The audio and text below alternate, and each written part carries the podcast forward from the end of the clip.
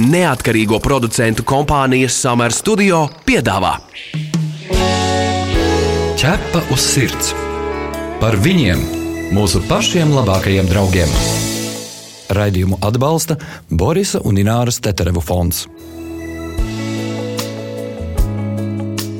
Esiet sveicināti, darbie radioklausītāji! Latvijas radio pirmajā kanālā atgriežas raidījums ķepa uz sirds arī šajā nedēļā. Esiet sveicināti, mani sauc Magnus Eriņš. Esiet sveicināti visi, mani sauc Inese Kreitsberga. Rudens sezona daudziem sākas ar esošo vainu pārsinājumiem vai hronisku slimību aktivizēšanos. Jā, un arī mūsu mīluļi nav izņēmums, un arī viņu veselībai rudenī jāpievērš vēl rūpīgāka uzmanība. Šodien runāsim par kaķiem. Daudziem šķiet, ka par mīčiem bieži aizmirst aizmirst, liekas, ka viņam jau reti kas var notikt, viņi savas sāpes nemaz neizrāda. Jā, un par to, kas jāzina par mūsu kaķiem rudenī, un ne tikai rudenī, runāsim ar veterināru ārsti Daigu Bokvaldi. Sveicināti, Daiga! Esiet sveicināti! Ķepa uz sirds jautā ekspertam! Daiga uzreiz pirmais jautājums šāds. Vai taisnība, ka kaķi retāk izrāda sāpes atšķirībā no suņiem, un saimnieki biežāk noguļ veselības problēmas savam kaķim iespējams šī iemesla dēļ?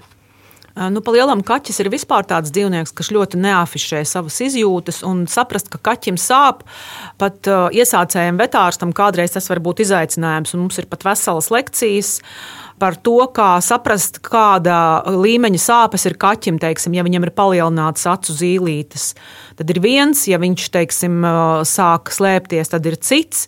Ja viņš guļ nedabiskā pozā, tad ir vēl cits. Nu, respektīvi, kaķis ir meistars slēpt savas problēmas, veselības un sāpes. Pilnīgi noteikti. Pagaidiet, pagaid, ja, ja mans kaķis pēkšņi slēpjas kaut kur, tas nozīmē, ka viņam varētu sāpēt? Palielam, ja jūs pēkšņi manat, ka jūsu kaķis ir sācis slēpties un līst kaut kādās vietās, kas, kur agrāk viņš nekad nav gulējis, es teiktu, ka ir pamats satraukties un sākt analizēt, kāpēc tā notiek. Jo tur varētu būt divi varianti. Viens variants, ka viņu kaut kas ļoti biedē, nu, piemēram, jūsu kaimiņš visu dienu taisa remontu ar perforatoru un kaķi vienkārši baidē šīs skaņa vairī. Viņam tiešām ir sākušās nopietnas veselības problēmas, un tāpēc viņš meklē kaut kādu vietu, kur paslēpties, izgulēt šīs problēmas un nevienam nežēloties, jo tas ir kaķa dabā. Kas tur bija ar to nedabīgo pozu? Ko nozīmē nedabīga poza kaķim un ko tas nozīmē? Nu, pa lielam, tad, kad jūs dzīvojat kopā ar savu kaķi, tad jūs apmēram zināt, kā izskatās laimīgs kaķis. Vai viņš guļ ar vēderiņu uz augšu, vai viņš guļ kamoliņā, vai viņam ir vēl kaut kādi gulēšanas paradumi. Un pēkšņi jūs manat, ka viņš guļ kā sfinksa ar izstieptām priekškājām un skatās vienā punktā. Vai arī vēl kādā citā pozā, kas pirmajā brīdī varbūt liekas, ka nemaz nav tik traki, bet tad, kad jūs sākat to ievērot, kad nākamā dienā atkal ir šī pati poza, atkal, tad ir pamats uztraukties, jo iespējams, ka viņš nevar nogulties šajā pozā, kādā viņam ir ērti viens variants, vai viņam guļot šai nedabīgā pozā mazāk sāp. Un tad vēl bija par tām acu zīlītēm. Mēs jau zinām, ja kaķis grib medīt, vai viņš ir tā kā interesēts, viņam milzīgi izplešās tās zīlītes. Bet, uh, kā tās zīlītes var signalizēt par veselības problēmām. Nu, ja viņas ir kroniski lielas un melnas, tad ir pamats nopietnam uztraukumam. Jā, tad ir jāiet pie ārsta. Par ko tas var liecināt? Tas varētu liecināt par chroniskām sāpēm, tas varētu liecināt par kaut kādām redzes nerva problēmām. Patiesībā tas tāds nopietns rādītājs. Vienmēr mēs ņemam izmeklēt nopietnu dzīvnieku, ja viņam ir šāds chroniski palielināts acu zīlītes vai viena acu zīlīte. Daiga, vai, vai tu vari uzsvērt, lūdzu, vēlreiz, tā lai cilvēki saprotu, ka kaķim visas problēmas progresē daudz ātrāk? Nu, piemēram, ja cilvēkam sāp vēders, viņš nedēļas staigā ar sāpēm un vēl ilgāk, un tad, ja nekas nemainās, tad varbūt pajautās ārstam, nu, zini, kā, vai aizies uz aptieku. Ar kaķiem tik ilgi gaidīt nedrīkst. Kaķis nemaz nevar signalizēt, ka viņam sāp vēders. Kur tad viņš aizies no rīta un teiks, klausies, es šorīt nēdu brokastis, jo man liekas, ka man sāp vēders? Protams, ka nē. Viņš vispār šādas sūdzības, ka man sāp vēders vai man griežās galva. Vai man nu, tur ir vēl kaut kādas izjūtas, viņš jau nevar viņas parādīt. Viņš var vai nu nēst, vai slēpties, vai nemazgāties, vai kļūt agresīvs. Kaut kā šādi viņš var izpaust savas pretenzijas pret savu slikto pašsajūtu, vai arī kaut kur piečurāt, vai kaut kur piekakāt, bet viņš jau nevar aiziet un pažēloties. Un līdz ar to ļoti bieži, ja saimniekam nav iepriekšējas pieredzes, tad viņš nesaprot šos signālus, kad uh, kaķis kaut kā maina. Piemēram, man atnāk saimnieks un saka, Mums kaķis ir palicis tās izvēlīgs. Viņš no sākuma pārstāja ēst savu sauso barību, tad viņš pārstāja ēst visas sausās barības, tad viņš pārstāja ēst kaķu konzervus. No aknu pastēt viņš vēl ēd. Es saku, jums ir smagi slims kaķis, jums ir steigu jāiet pie ārsta. Nē, nē, viņš saka, mums viss ir kārtībā. Viņš tikai negrib ēst, viņš nevar izvēlēties, kas viņam garšo. Jo, protams, ja kaķis paliek slims, tad viņš pirmais pārstāja ēst to pārtiku, ko viņš ir ēdis ikdienā. Tad viņš vēl kādu laiku reaģē uz kaut ko no malas, kas ir tāds svešs un nepierasts, un tad pamazām, pamazām, pamazām, ja saimnieks vēl nav sapratis, tad jau viņš arī beigās nēd neko. Un tad man atnes tādu kaķi, kas vairs nēd neko, kurš ir zaudējis teiksim, trešdaļu sava svara un saka, ka viņš ir vakar saslims, jo vēl aizvakar viņš ēdāk nu pastēti. Te bija drīzāk jautājums par to, ka, piemēram, ir bijuši gadījumi, nu, cilvēki saka, ka man tur kaķis nēd vai neiet uz toleti, un es saku, nu, brauc pie ārsta. Nu, jā, nesanāks varbūt uz nedēļas beigām. Nu, jāsaprot, ka tik ilgi gaidīt nedrīkst. Kāpēc?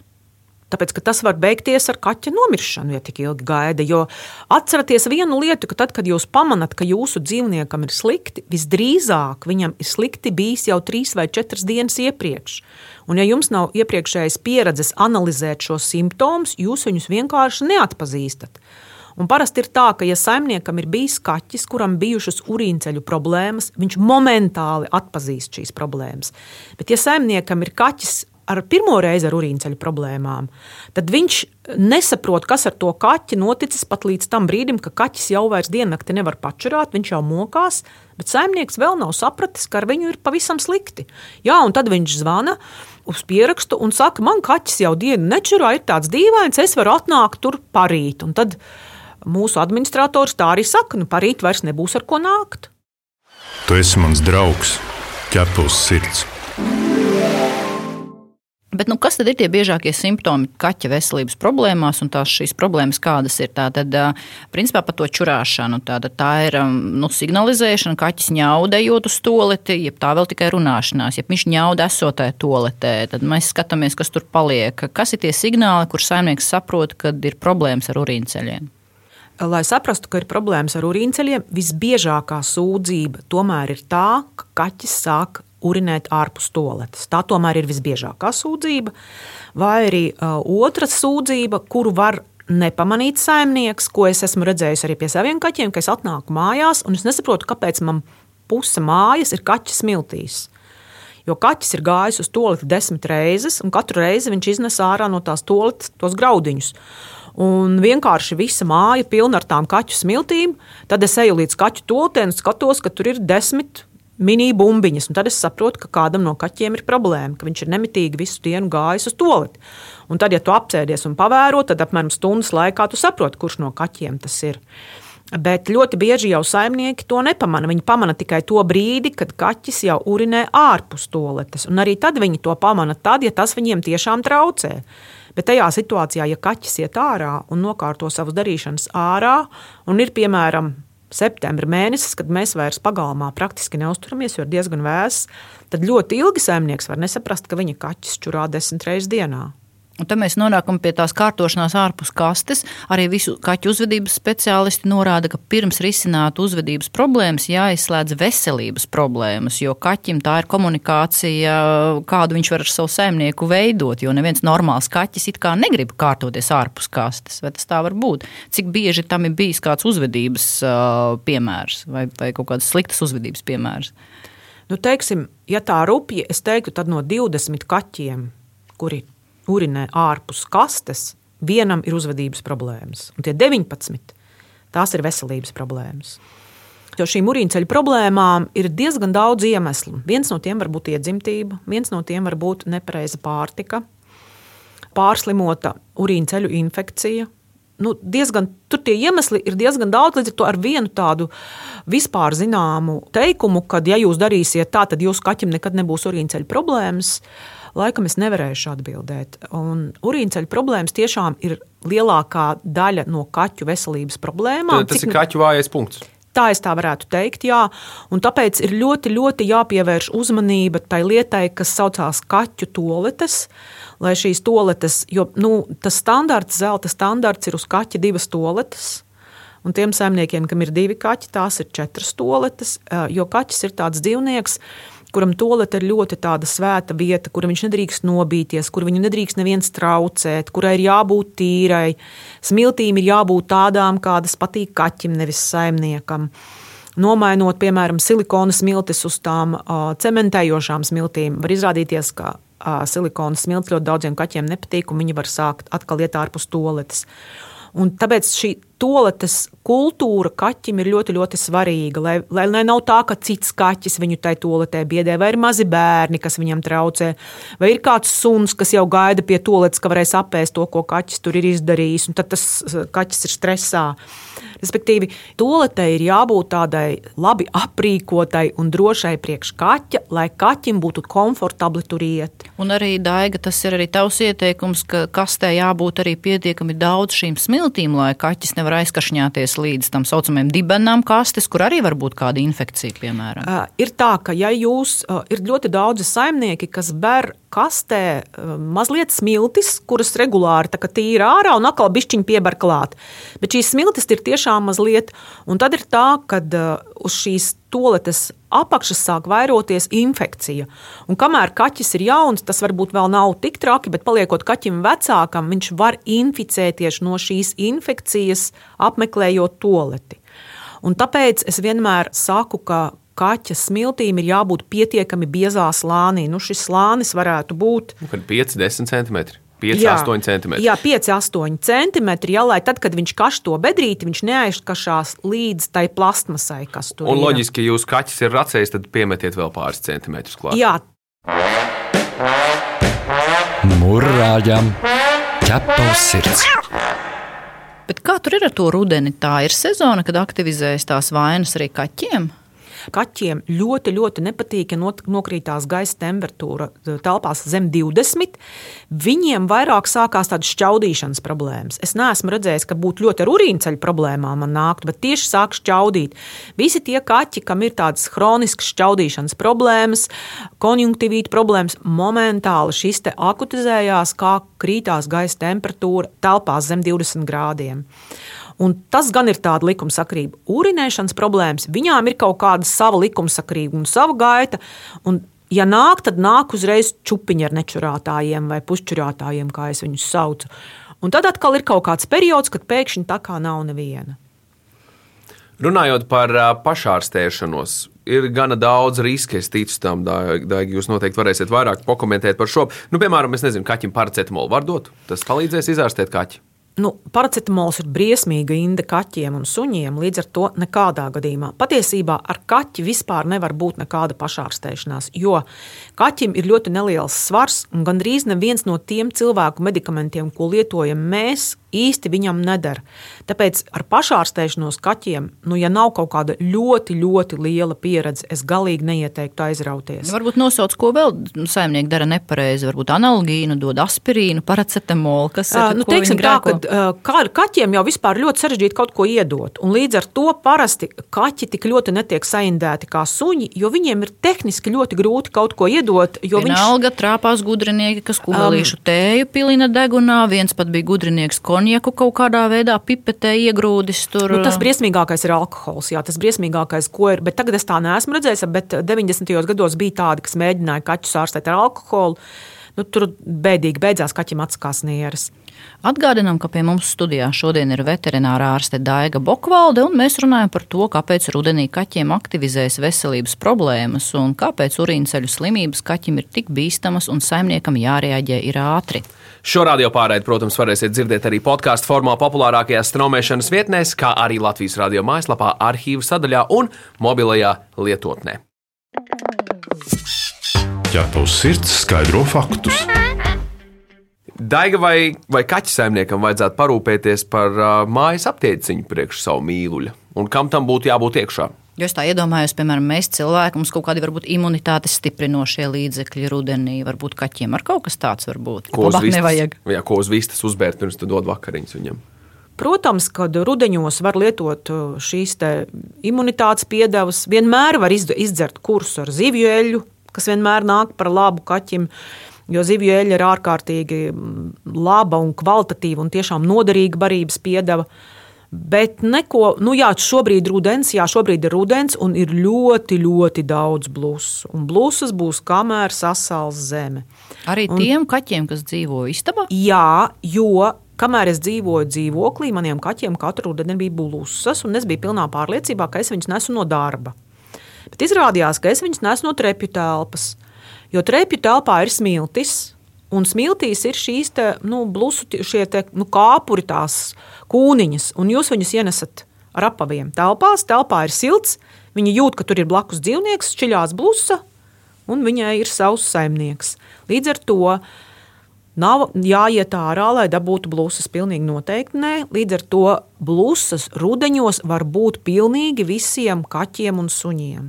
Kamēr sasals zeme, es ieteiktu apstrādāt savus dzīvniekus ā, pret blūzām, un suņiem arī ir vajadzīga šī apstrāde pret ērcēm.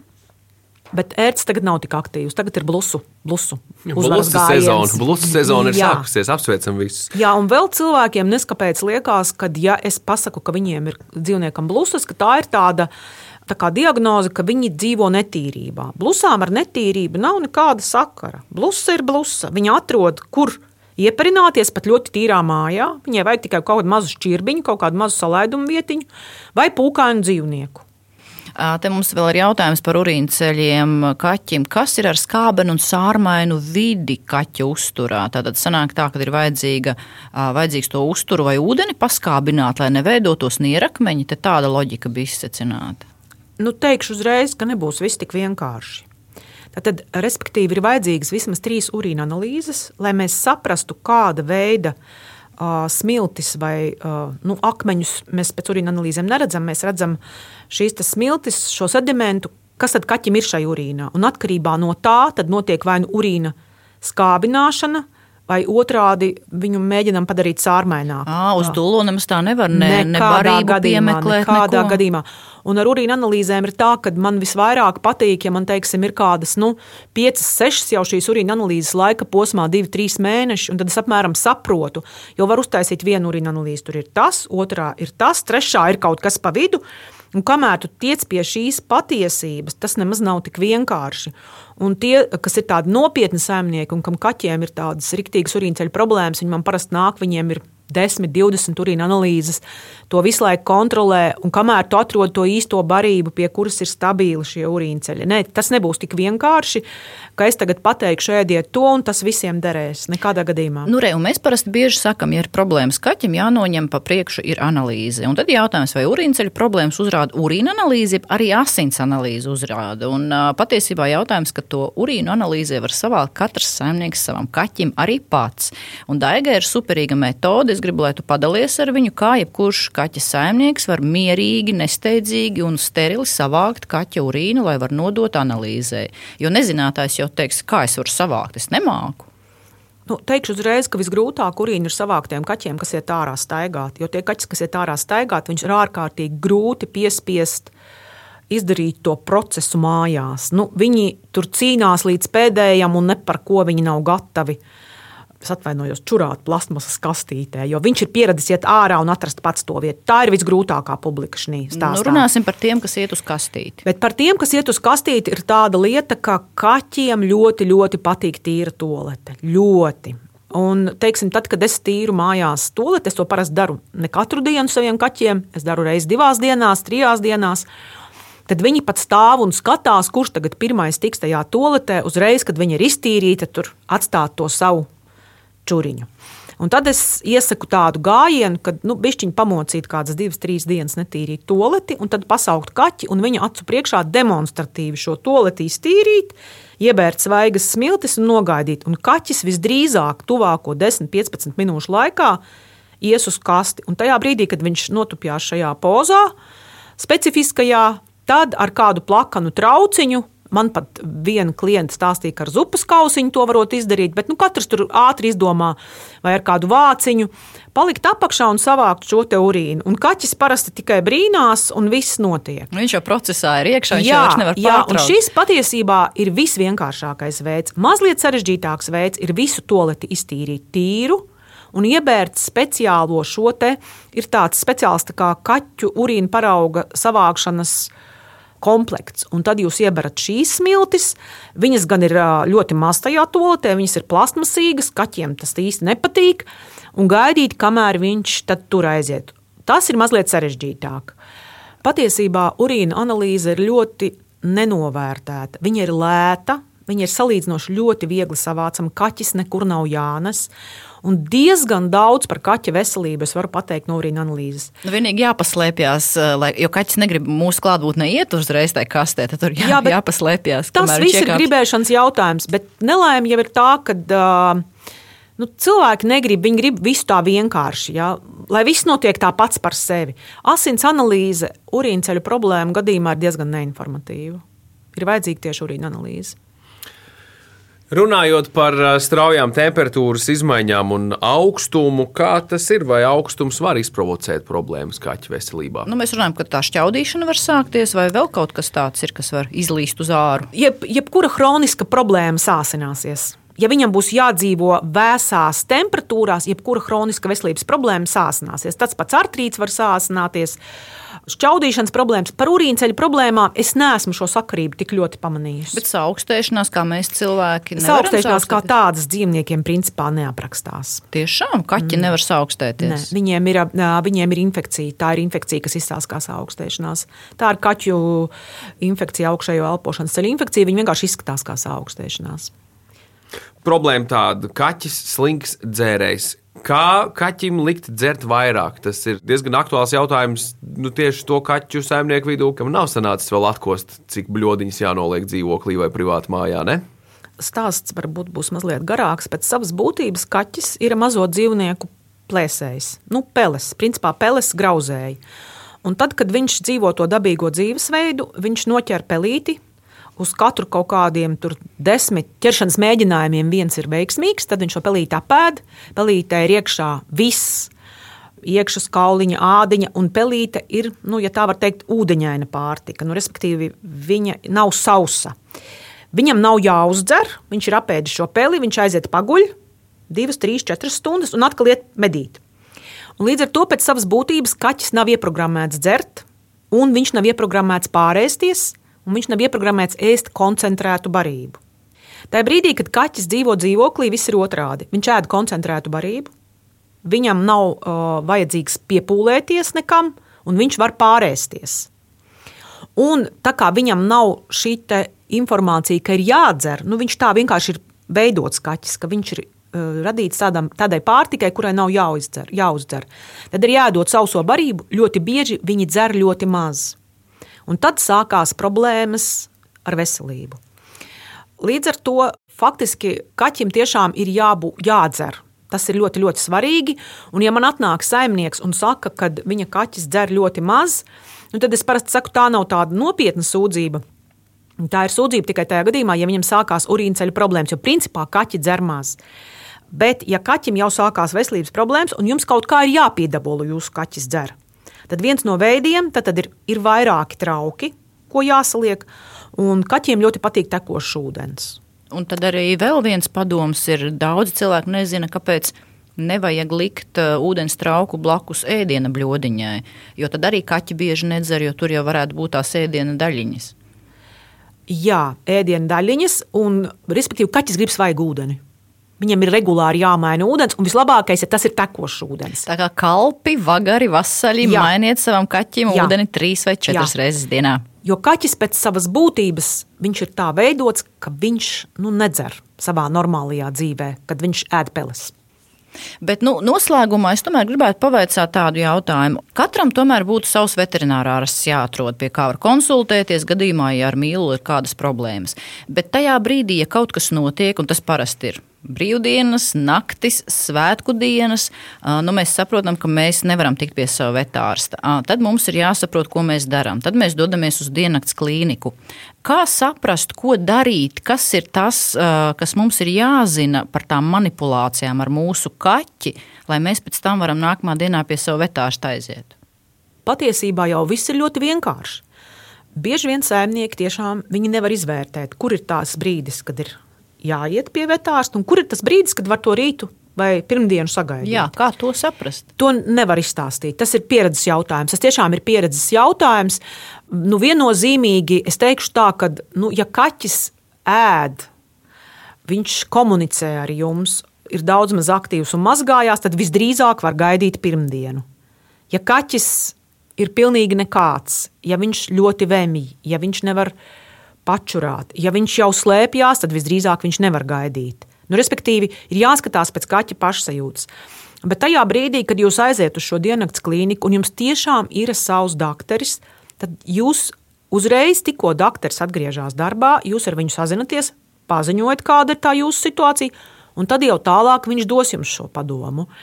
Jo šīs diennakts klīnikas pamatā ir veidotas, lai sniegtu šādu pirmo palīdzību smagos, akūtos, neatliekamos stāvokļos. Un tad to stabilo ārstēšanos, ilgstošo, tad jau jūs atgriežaties pie sava ārsta. Bet kā ir izvērtēt šo situāciju?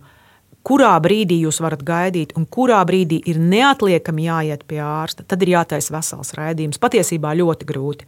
Jo cilvēks atrod ērci kaķim, un viņš atskrien uz klīniku tā, it kā nu, tas būtu gadsimta notikums. Uh, valoda raustās, rokas trīc, man kaķim ir ērts, neatliekami tūlīt izvelciet kaķim ērts. Nu, Cik tas ir trakām smiek. problēmām ilgi nedēļām jāgaida. Jā, jā, un cits atkal, teiksim, kaķis, kurš ir zaudējis tur jau trešdaļu svara, kurš lāga nēd, um, viņš tiek marinēts tur nedēļām. Nu, tāds nu, ļoti grūti man pateikt šo zelta formulu, kad uh, viennozīmīgi, ja dzīvnieks jūtās izteikti slikti, uh, viņš nereaģē.